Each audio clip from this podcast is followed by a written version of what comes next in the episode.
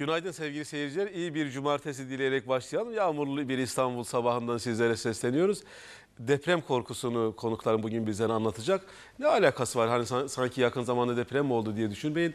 Bütün iş yerlerinde, büyük firmalarda deprem provaları, deprem tatbikatları, deprem ekranlarda deprem uzmanları çıkıyor, depremi anlatıyorlar. Depremle ilgili teknik bilgi veriyor olmakla beraber Acaba bunlar farklı kişilerde, farklı kişiliklerde, farklı altyapısı olan insanlarda, travma yaşamış olan kişilerde ne gibi etkilerde bulunuyor? Biraz bunlara da temas edecek konuklarım. Ve depremle ilgili belirtiler, korkular, travmalar, kaygılar, neler yapılmalı, çocuklar, yetişkinler bütününü konuşmaya çalışacağız. Sorularınızı yönetmenim Erol Bey'in ve İlker Bey'in göstermiş olduğu yerlerden lütfen bize yazmaya devam edin. Daha doğrusu başlayın ve ben de hemen e, konuklarımla dönüyorum size. Doçent Doktor Sinem Zeynep Metin, merhaba hocam. Psikiyatri Merhaba. uzmanısınız. Merhaba. LP İstanbul Hastanesi'nde Üsküdar Üniversitesi'ne bağlı çalışıyorsunuz. Psikiyatrik konular alanınız.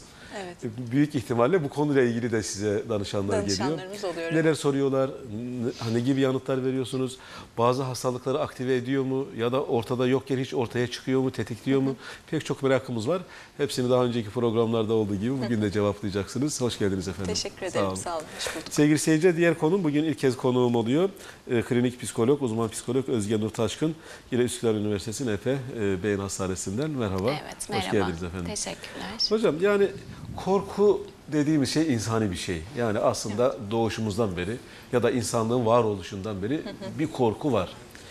Biraz bu korkuyu tanımlayarak oradan da deprem korkusuna da geçebilecek şekilde bir giriş yapmamız uygun olur mu? Ne dersiniz? Olur tamam. Bir- Biraz korkularımızdan bahsedelim. Şimdi aslında en son söylemem gereken şey en önce En söyleyeyim. başta söyleyeyim.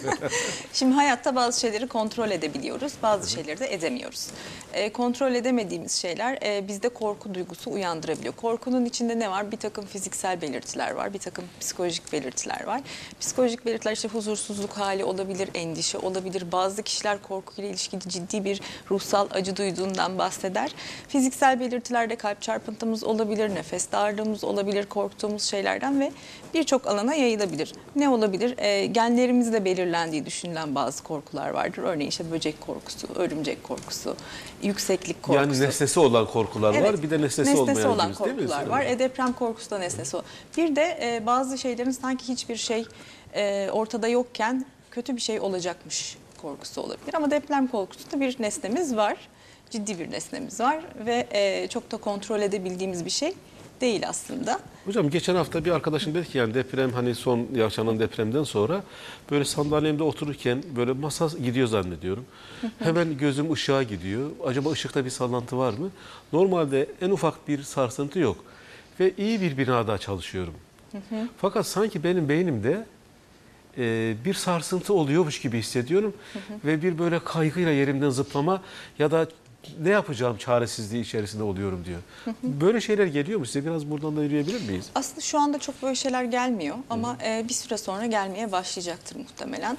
E, deprem korkusu genelde şöyle, bunu bu söylediğiniz şeyleri daha ziyade 99 depremini ağır yaşamış kişiler tanımlayacak. Öncesi olanlarda oluyor yani. Öncesi olanlar tanımayacaktır. Hani ilk defa e, bu son zamanlarda yaşadığımız İstanbul depremi aslında öyle çok mali ya da hani can kaybına yol açan bir deprem değildi. O yüzden e, çok da e, bir iz bıraktı tamam bir hani korku yarattı gerçekten ama çok da bir iz bıraktığını düşünmüyorum.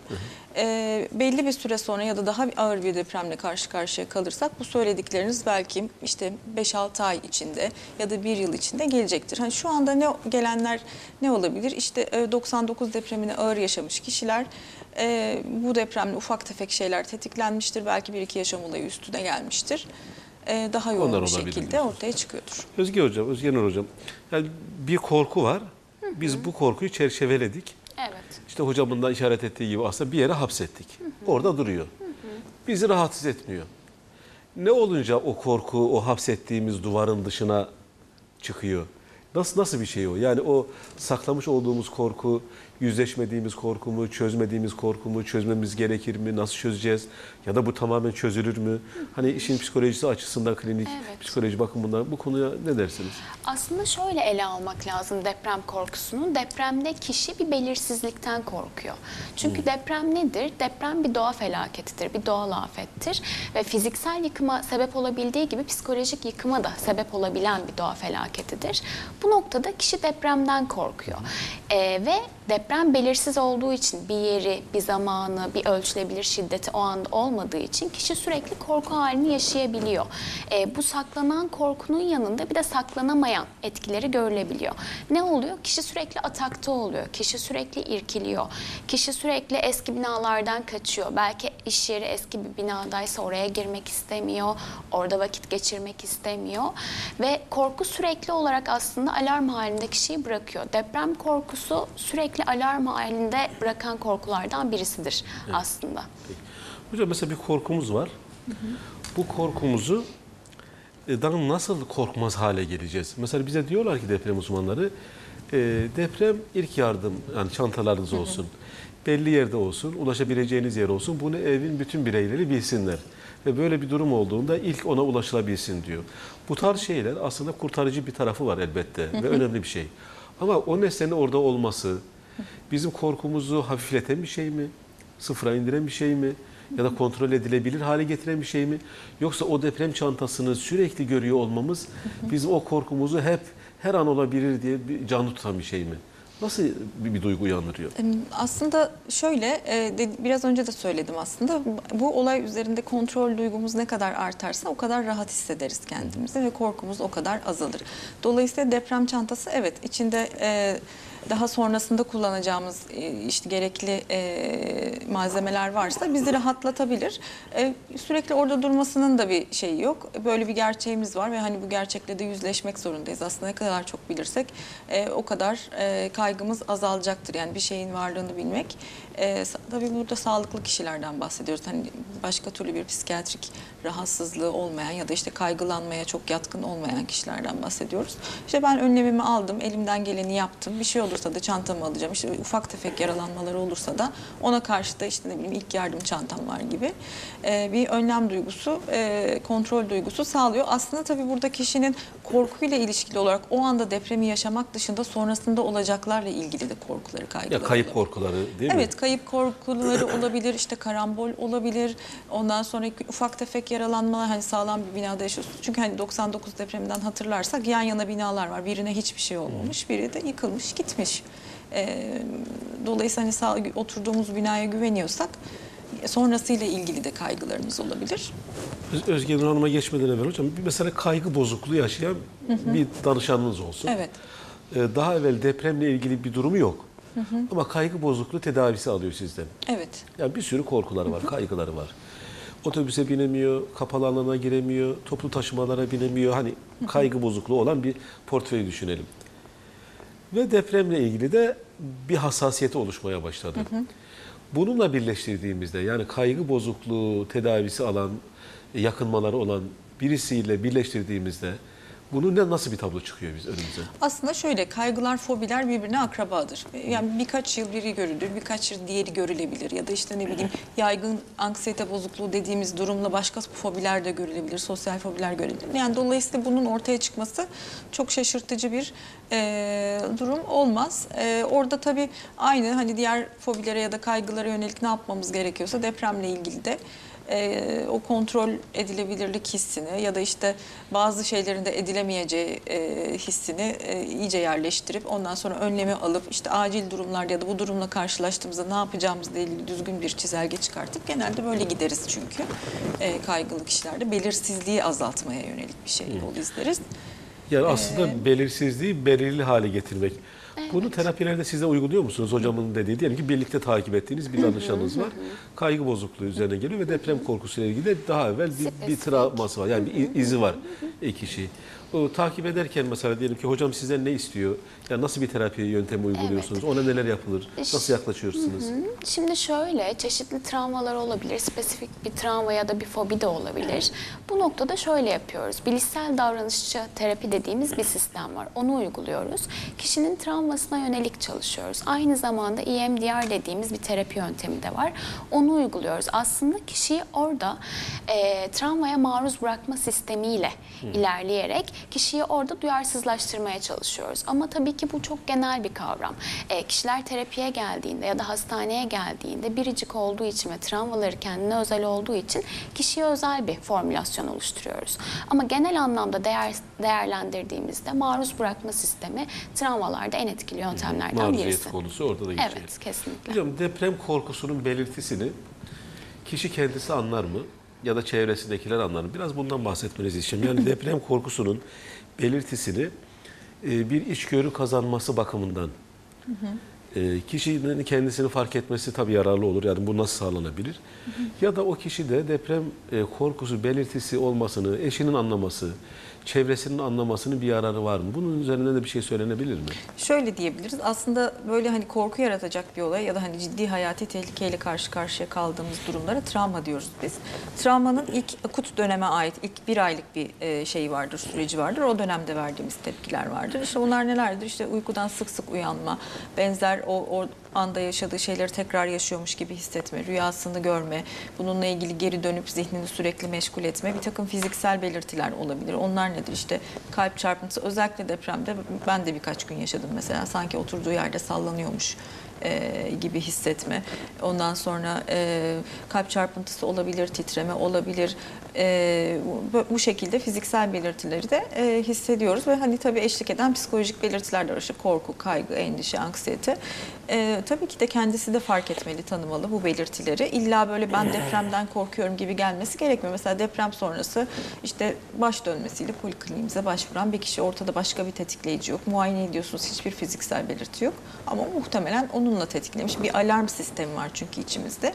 O alarm sistemi de vücudumuzdaki her noktaya değiyor sinir sistemiyle beraber her noktaya değiyor. Dolayısıyla da başımız da dönebilir, parmaklarımız da uyuşabilir, ne bileyim e, kalbimiz de hızlı çarpabilir, bağırsaklarımız hızlı çalışabilir, her şey olabilir. Kişi kendi fark etmeyebilir, fark edebilir. Yakınları mu- muhtemelen işte sen gece sık uyanıyorsun, işte uykuda sıçrıyorsun ya da işte bu ara biraz daha gerginsin, sinirlisin gibi gözlemlerde bulunarak yani bunu uzmanıyla konuşabilirler tabii. Psikoterapi, yani psikologlarla da konuşabilirler. İlla psik, psikiyatrik tedavi Yani bir terapisi varsa bu. onunla da bunu danışabilir Tabii ki de, aslında. tabii ki de. Şimdi- Yoksa da danışabilir. Özgen Hocam, e, deprem korkusu belirtileri başladı. Kişi de var ya diyelim ki hakikaten e, bunu yaşayanlar da oldu. Hocam kendinden de örnek verdi. İşte ben de buna tanık tanık oldum. Genellikle insanların ilk tepkisi ne oluyor? Ya da ilk tepkileri ne oluyor? Deprem. Kaçma mı? İnkar etme mi? Yok sayma mı? Yoksa abartıp ya her an olacak gibi mi? Nasıl bir tepki veriyorlar? Şimdi evrimsel olarak aslında bizim yapımızda kaç ya da savaş vardır. Kaç ya da savaştan yola çıkarak e, deprem anı yaşandıktan ve geçtikten sonra ikiye ayırabiliriz insanları. Daha çok etkilenenler ve daha az etkilenenler. Daha çok etkilenenlerin patolojik boyutta olma ihtimali vardır. Bu da neye bağlıdır? Gündelik işlevlerini yerine getiremiyorsa, kişinin uyku düzeni bozulduysa, kişinin iştahı bozulduysa, kişi işe gidemiyor, ailesiyle verimli iletişime geçemiyor, sosyal medyadan sürekli olarak deprem haberlerini takip ediyor. Yani işlevselliği %100 azaldıysa bu belirtiler oluşmuştur. Kliniğe böyle bir hasta geldiğinde şunu yapabiliriz öncelikle. Semptomlarını tek tek sıralayabiliriz. Hangi semptomlara sebep oluyor kişide bu hastalık, bu durum? Daha sonra kişinin bu semptomları kendisinin de öğrenmesini sağlamamız çok önemlidir. Çünkü biz terapist olarak evet destek olacağız. Belki bu travmanın geçmesine yardımcı olacağız ama kişi daha sonra bununla karşılaştığında ne gibi önlemler alacağını da belirlememiz gerekir bu noktada. Ve birlikte o semptomlar üzerine çalışılabilir. Bunların arasında dediğim gibi işlevselliği yitirecek bütün semptomlar girebilir. Biraz sonra sokağa döneceğiz. Belki onlar neler diyecek ama hocam deprem korkusu hayatımızı ketleyen bir şey midir? Yani e, iş verimimizi düşürür mü? Sosyal hayatta mesela hani geriye düşmeye sebep olur mu? Bir yerlere gittiğimiz halde gitmemeye vesile olur mu? Biraz hani sosyal hayata etkisi yani olumsuz etkileri üzerinden de söylenebilecek şeyler var mı? Aslında dersiniz? Özge Nur da söylediği gibi hani kişinin işlevselliğini ne kadar etkilediğine bağlı.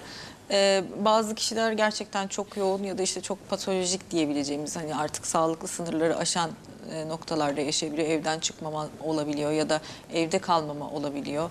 Ya da işte e, aslında biraz böyle mantık sınırlarını geçen önlemler alınması olabiliyor. Ben aslında burada çok dillendirmek Bir, se- bir istiyor, istemiyorum ama eş- duyuyorum. eş- eşim diyor bu son İstanbul sarsıntısı hiçbir e, zayiat olmadı çok şükür Evet. olmamasına rağmen.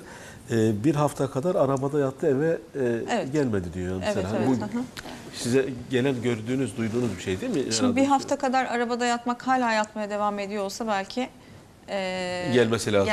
Gelmesi gelsin lazım. derdik evet. Evet gelmesi lazım. Peki Ama akut dönemde verilen tepkileri e, biraz hani gözlemlemek istiyoruz biz açıkçası. Herkesin çünkü sıkıntılı durumlarla baş etmek için bir takım e, kendince yani bilinç dışı olarak geliştirdiği yöntemler var. Hocam mesela bazı korkularımız var. O, o arkasında sokağa gidelim ama diyelim ki daha önce 90 işte 9 depremini yaşadı ve kaybı oldu. Eşini kaybetti, çocuğunu kaybetti ve günlerce o enkazın başında bekledi. Haberler, kolu çıktı, bacağı çıktı, çıkmadı ve bir kaybı oldu. Çok sevdiği bir şey. Yani e, kendisini kaybetti ya da işte bir yakınını kaybetti. Şimdi bu kayıp yaşayan kişilerin deprem korkusuna vermiş oldukları tepki yani bilişsel tepki ya da korkularla bir başkasınınki aynı olmuyor galiba değil mi? Yani bu da mühim bir şey midir hocam? Yani tabii ki de bu söylediğiniz çok mühim. Ya sadece sevdiğini kaybetmek değil, birinin vefatına, ölümüne şahit olmak, Olmak bile, bile, e, burada e, verilecek tepkiyi değiştirir e, mutlaka. Ama tabii biliyoruz ki bazı kişiler sonrasında travmatik e, stres bozukluğu geliştirmeye daha yatkın. Bazı kişilerde olmuyor. Yani hani o depremi her yaşayan kişide ya da her kaybı olan kişide e, travma sonrası stres bozukluğu belirtileri görmeyebiliyoruz. Biraz kişinin altyapısıyla da ilişkili ama tabii ki de bu dediğiniz olay yani bu dediğiniz durum ya da örnek çok ciddi bir e, örnek. Biraz suçlama üzerinde de konuşup öyle sokağa gidelim. Önce size sorayım belki hocam arkasından tamamlamak ister. Ee, kendini suçlayan kişilere rastladım ben. Ya diyor bu benim kabahatimdir diyor.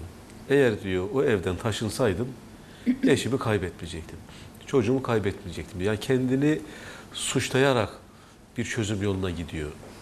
Bu hani normal bir şey midir, rastlanan bir şey midir ya da bu durumun ilk aşamalarında mıdır? Herkes bunu yaşar mı? Yani depremin olmasını değil de o kötü evde hani ben orayı tutmasaydım, o evi almasaydım eşimi kaybetmeyecektim diyor mesela. Bu suçlama duygusu, kendini suçlama, kabahati bulma konusuna nasıl yaklaşıyorsunuz? Ee, aslında tabii ki herkes bunu yaşamaz. Ee, bu noktada kişinin kendini suçlamasının noktasında patolojik boyut ele alınabilir. Yani kişi kalıtımsal olarak e, bir hastalığa, bir kendini suçlama ya da bir depresyona, bir travmatik olaya maruz kaldığında nasıl baş ediyor? Ona bakmak lazım. Demin de Sinem Hocam'ın söylediği gibi e, baş etme mekanizmalarımız giriyor devreye burada. Kişinin baş etme meka- mekanizması çok güçlü değilse, çok kuvvetli değilse terapide bu ele alınarak başka olaylarda da e, kendini suçlayabileceği e, gösterilerek aslında birazcık daha normalleştirilmesi gerekiyor durumu. Çünkü o evin yıkılması kişinin elinde olan bir şey Değil, değildi elbette. O yüzden kişinin baş etme mekanizmaları kuvvetlendiğinde diğer geçeceği alanlardan da e, bunun bu patolojik durumun bulaşacağı alanlardan da kişiyi korumuş oluruz. Hocam, e, Selim Hocam burada biraz kişinin kendisinin iç kaynakları da önemli mi? Yani bilişsel durumu, iç kaynakları yani kendini suçlama ya da bu ilk şok durumundan sonra çıkış. Bazen kişi kendini suçlamıyor mu ama çevresi de onu suçluyor. Ya oğlum orayı yapmasaydın diyor mesela. Bazen öyle de Evet. ol- oluyor. Burada hani iç kaynaklar, kendisini özgüvenli bulabilmesi, işin içinden çıkabilmesi, verileri doğru analiz edebilmesi falan gibi meseleler de önemli mi? Ne dersiniz bu konuda? Şimdi şöyle aslında siz doğru- çok doğru bir şey söylediniz arada. Bir kayıp yaşandığı zaman bir üç aşamalı bir tepkiler e, tepki silsilesi vardır. Önce şok içinde olur kişi. Şok e, e, yani hani olan durumu kavrayamaz, idrak edemez. Ardından bir inkar sürecine girer. Aslında böyle bir şey olmadı. İşte eşim çıkıp gelecek, çocuğum çıkıp gelecek. Sonra da e, suçluluk başlar. Ve bu, bu suçluluk duygusu aslında kayıba verilen e, tepkinin e, olağan bir parçasıdır. Bunun yaşanması gerekir ama yaşanıp atlatılması gerekir. Eğer şok ya da inkar ya da suçluluk evresinde bir kişi takılı kalıyorsa e, orada tabii kendi e, kendi kişiliğiyle ilgili ondan sonra geçmiş yaşantısıyla ilgili ya da daha önce yaşadığı kayıplarla ilgili düzelmemiş, çözülmemiş bir şeyler var demektir. Biraz da kendini daha evvel yaşadığı bir yere hapsetmesi gibi değil Evet, mi? aynen. Kendini işte Doğru mahpus bırakması gibi bir şeye Evet. Oraya herhalde. geri dönmesi. Geri dönmesi. Geri dönmesi. Genelde bu geri dönülen yerler 0-6 yaş e, dönemindeki yaşantılarla belirlenir. O dönemdeki e, travmatik yaşantılar işte ya da kayıplara çevrenin anne babanın verdiği tepki ya da anne babayla kurduğu, e, bakım verenle kurduğu ilişki sonrasındaki tepkileri belirler. Dolayısıyla orada çocukluk döneminde yoğun suçluluk duyguları hissetmiş bir kişinin ilerleyen yaşantıda bir kayıpla beraber o duygularının alevlenmesi e, Olabilir, beklenir. beklenebilir Aha, bir şey. Peki. bir şey. Sokağa bir dönelim izninizle. Sevgili seyirciler şimdi e, sokağa dönelim. Arkadaşlarımız sokağa çıktılar, sorular sordular. Bunları kaydettiler ve montajlayıp şu anda bize hazırladılar. Muhabirimiz e, Şüheda Damgacı sordu. E, Betül Yiğit de bunları kameraman olarak kaydetti ve biz de şu anda sizlere e, sunuyoruz. Konuklarım da dinleyecekler. Bakalım ne söyledi sokak? Biz onlara e, ne söyleyebiliriz? Birlikte seyredelim. Depremin kişilerde yarattığı travma yatsınamaz bir gerçek. Uzmanlar depremin kendisinin değil, olası sonuçlarının kişilerde korku yarattığının altını çiziyor. Peki olası bir deprem korkusu kişilerin günlük hayatını nasıl etkiliyor? Bilimden sağlığa ekibi olarak sokağın nabzını tuttuk. Hayatınız boyunca tanık olduğunuz bir deprem oldu mu? Yani 17 Ağustos depremine de tanık oldum. Bu önümüzdeki geçen artçı depremlere de tanık oldum. 99 depremine tanıklık ettim. Çok küçüktüm, etmemiş kadar oldum. Ee, Bir de geçen Ekim ayında yaşadığımız deprem vardı. Günlük hayatınızda deprem korkusu yaşıyor musunuz? Yani e, 17 Ağustos'tan sonra emin olun kanepenin sallanmasından bile o korkuyu yaşıyoruz yani. Yaşıyorum. Korkuyorum yani. Yaşamıyorum. Bazen olabiliyor aslında metroya falan bindiğimizde titremeler olunca insan ister istemez korkuyor. Ekim ayında yaşadığımız depremden dolayı da bir tedirginlik var aslında. Hani büyük binaların yanına yaklaşınca sallanıyormuş gibi hissediyorum. Çünkü ben yaşadım depremi. Büyük bir binanın yanındaydım o sırada. Ondan dolayı bazen oluyor. Yaşıyorum, metroya binemiyorum, Marmara'ya binemiyorum, asansöre tek başıma binemiyorum. Gerçekten kabus gibi bir şey. Peki olası bir deprem için aldığınız tedbirler neler? Vallahi hiçbir şey al- almadık. Her şeyi Cenab-ı Allah'a bıraktık.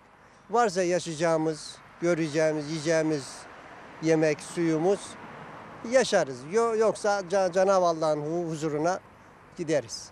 Aldığım tekbir ancak koltuk yanlarına yatmak, başımıza kırlent koymak.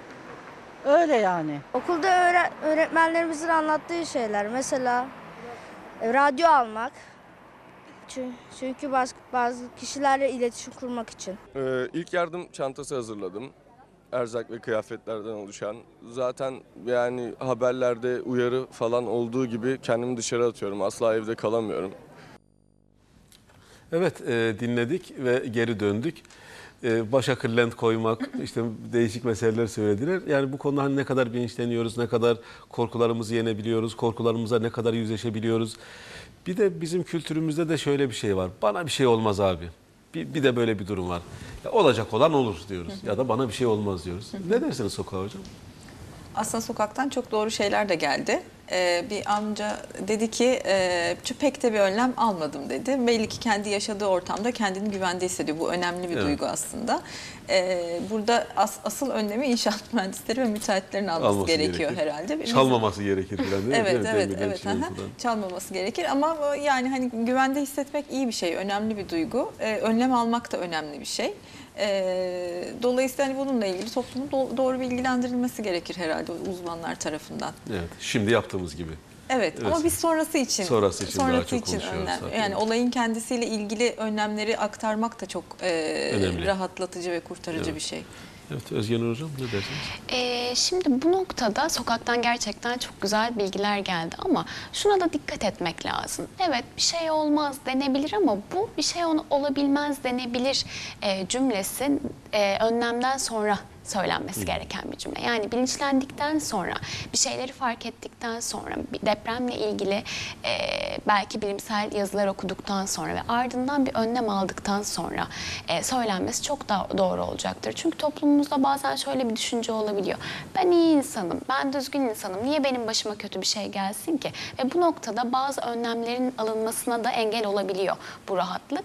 Belki birazcık bu noktayı e, törpüleyip birazcık daha kontrollü gitmek ve e, depreme yönelik ufak bir hazırlık yapmak belki daha da iyi Evet, olabilir. biraz kıvam önemli diyor Evet. Efendim sorularınızı lütfen göndermeye çalışın. Ee, gelen sorular içerisinden ben onları uygun biçimde soracağım. Ee, ama daha sonra da telefon yoluyla, danışma hattı yoluyla konuklarıma ulaşabilirsiniz. Ee, hani ya deprem ne zaman olacak diye sormayın tabii. Ama yani aktiflenmiş, harekete geçmiş bir hastalığınız varsa e, yani doktor hanım hani ben bu konuda ne yapmam gerekir, gelmem gerekir mi size ya da bir uzmana gitmem gerekir mi şeklinde soruları tabii ki sormanız e, gerekir. Hocam deprem korkusu e, psikiyatri yelpazesinde hangi hastalıkları tetikler? Yani neyi harekete geçirir? Ve bu harekete geçiren şey onda öyleyken bunda da böyle olur mu? Yani hepsinde aynı şey mi olur? Biraz o konuyla ilgili neler söyleseniz. Mesela Anksiyete- depresyon olur mu? Kaygı işte yani hangi hastalıklara gidebilir durum?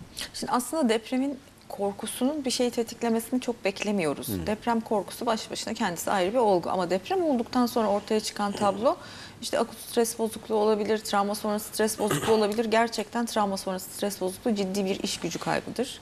E, bu daha ziyade böyle savaştan gelmiş askerlerde görülen ve çok çalışılan bir durumdur ama e, ciddi iş gücü kaybıdır. İşte ne bileyim madde bağımlılıkları, alkol bağımlılıkları, ağır depresif durumlar bazen hani gerçeği değerlendirmenin bozulduğu durumlara kadar uzanabilir ama deprem korkusu da hani gündelik yaşantıdaki işte e, yeti kaybına sebep olabilecek bir durumdur. E, bu dozuyla alakalı, yani ciddiyetiyle alakalı bazısı e, ufak tefek e, alanlarda yaşar bunun. Bazısı da e, işte dediğim gibi işe gitmeyecek kadar, yaşadığı yeri değiştirmesi değiştirmesi gerekecek kadar ya da yalnız başına evden dışarı çıkmayacak kadar e, ileri götürebilir. Biraz iş kaybı üzerinden gidelim Selim. Çünkü ona yönelik de bir soru var.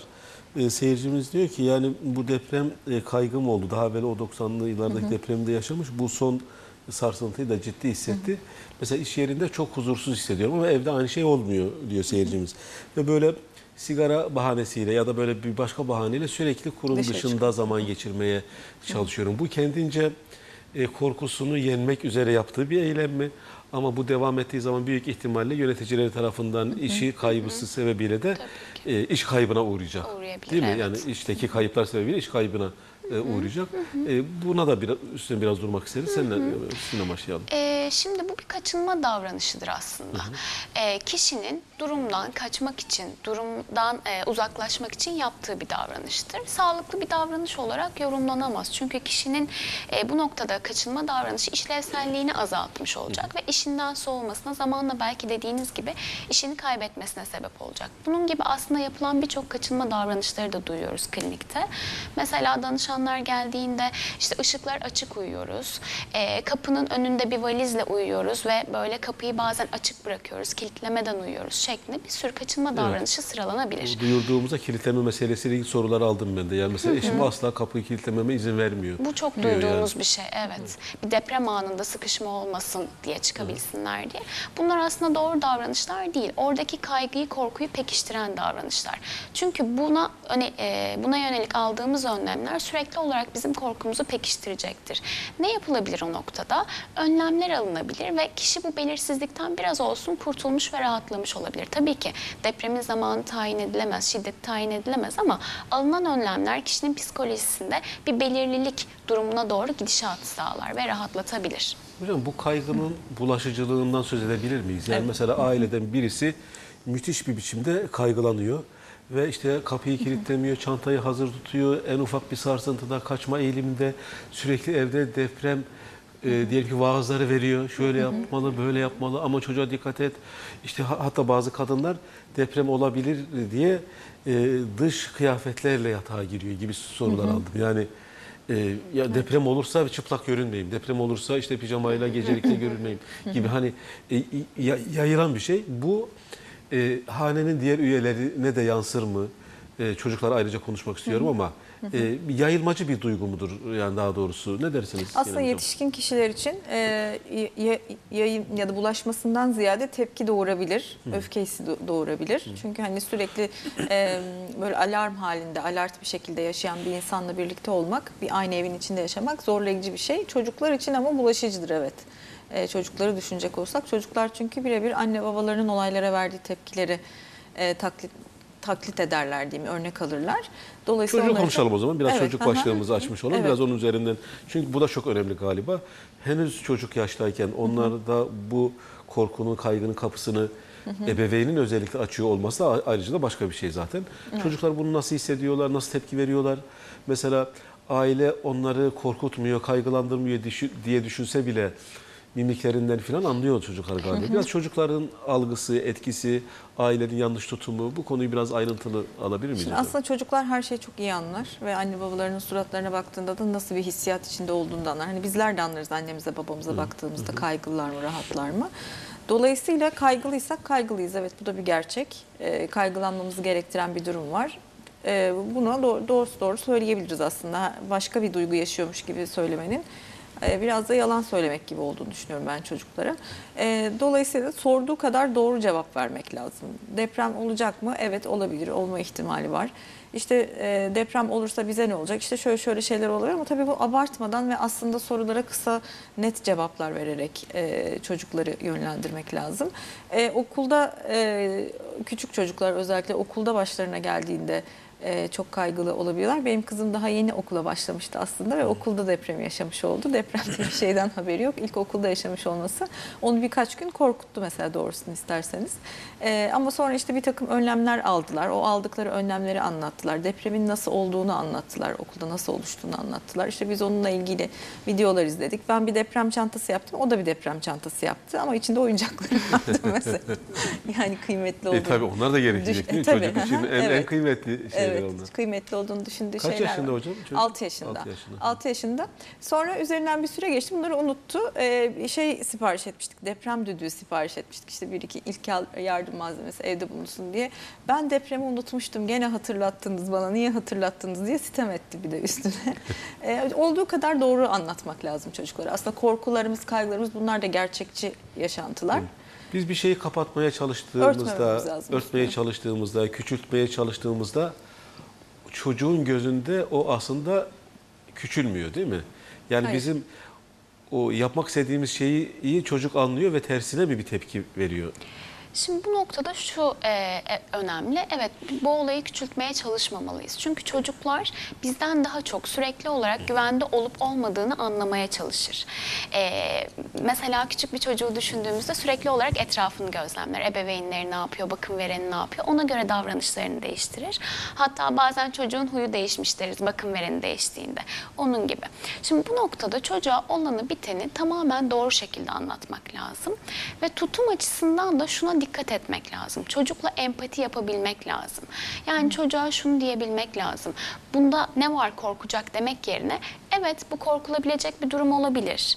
Evet tehlikeli bir durum olabilir ama biz bunun için önlemleri alacağız. Ee, bizde de Baş bahsettiğimiz gibi baş etme, önlem alma ve e, belirsizliği biraz da olsa ortadan kaldırma. Yani çocuk şunu bilecek. Evet bu tehlikeli bir durum. Benim buna karşı önlem almam lazım. Bilmesi de gerekir değil Bilmesi mi? Bilme çok hakkı var önemli. çünkü, nasıl Çünkü davranacağını biliyor olması kesinlikle. gerekir. Belirsizlik daha çok kaygı yaratır. Kaygılandırıyor. Çünkü bilmezse önlem de alamaz kendisi, kendi adına. Güvenli noktaları bilmeli evde, okulda, nerede olacaksa ve yanında bir hazırlık e, olabilmeli. Tabii sürekli olarak değil ama aklında depreme dair ve yıkıcı bir durum olduğuna dair bir bilgi olmalı ve önlemi buna yönelik almalı. Empati duygusu çok önemli. Yani yetişkinlerin orada çocukla empati yapabilmesi lazım. E, bu durum olabilir, sen korkabilirsin ama bak böyle önlemler aldık dendiğinde çocuğun kafasında çok daha net olacaktır. Evet anladığım kadarıyla ne abartmaya çalışmalı ne küçültmeye çalışmalı. Evet. Ee, çocuğa doğru bir biçimde, ne yalan söylemeden, Yalan. gerçek bir biçimde o algıyı veriyor olmak lazım. Duygularımızı da yansıtabiliriz. Yani Duygular- duygularımız böyle bir gerçek var. İnsanlar kaygılanıyor, korkuyor. Bunu da bilmeleri gerekiyor. Evet. Yönetmenim ne kadar süre kaldığını bana muhtemelen işaret edecektir herhalde değil mi? Ona göre toparlayalım.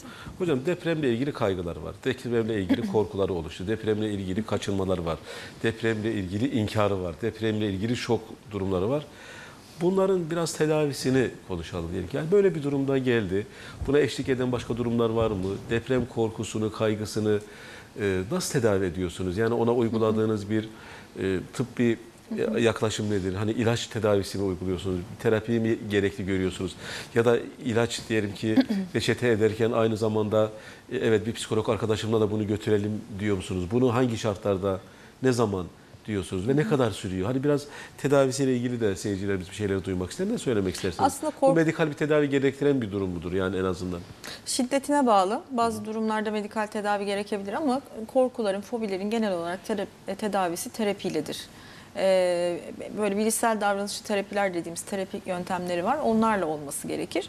Ee, deprem olduktan sonra ortaya çıkan tablolarda e, mesela akut stres bozukluğunda çok bir şey e, yapmak istemeyiz. O dönemi de çok böyle hani ağır ilaçlar vererek geçirmek istemeyiz. Genelde hani grup terapileri ya da işte e, olay yerinde var olmak, bir şeyler insanlara yardım edebilmek hissi de e, faydalı olur, katkı sağlar. e, bazı kişilerde riskli olduğunu bildiğimiz kişilerde verilebilecek o travma sonra stres bozukluğunun gelişmesini önleyen bir takım ilaçlar var ama daha bunlar deneme aşamasında.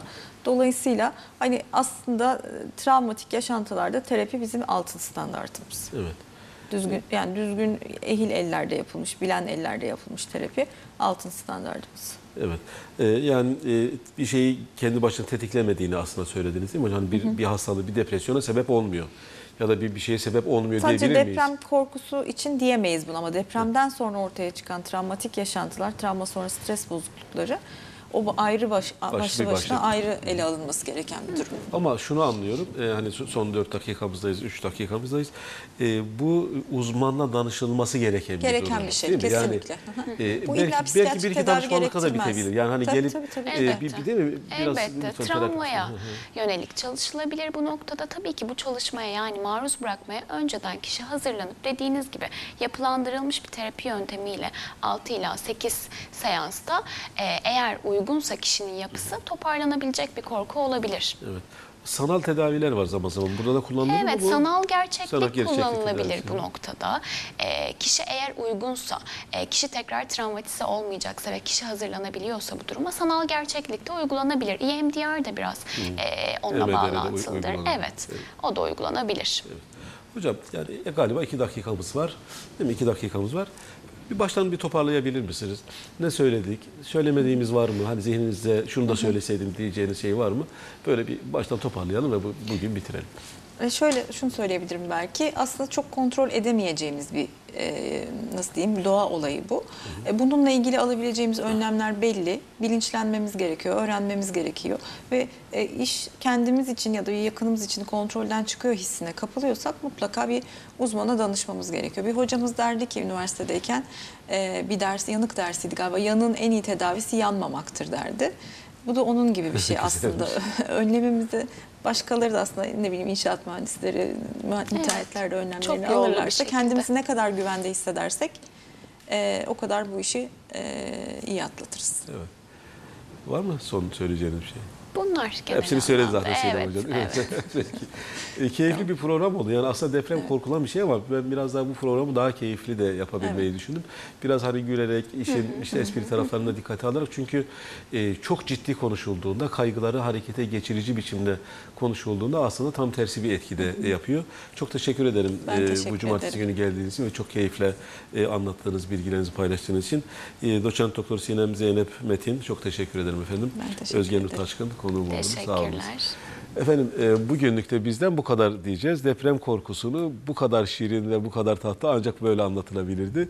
Çok teşekkür ediyorum bir kez daha konuklarıma ben Uğurcan Polat. E, sokağa çıktı arkadaşlarımız sordu. Muhabir işte Şöheda Damgacı sordu. Betül Yiğit kaydetti. Onları da seyrettirdik sizlere. Daha sonra YouTube'dan seyredilebilir. Soramadığınız soruları benim iletemediğimiz sorular konuklarıma danışma hattı yoluyla da ulaşabilirsiniz. Yarın kumar bağımlılığını konuşacak Şaban Özdemir. Haftaya ben ise koa hastalığını, fizyoterapi ve rehabilitasyon uygulamaları eşliğinde konuklarımla birlikte ele alacağım. İyi bir hafta sonu dileyelim ve depremin korkusunun olmadığı ama depremin olabileceği gerçeğini de unutmadığımız günler falan dileyebiliriz Önlem, herhalde evet. değil mi? Önlem- Ön- önlemimizi Peki, aldığımız iyi günler günler.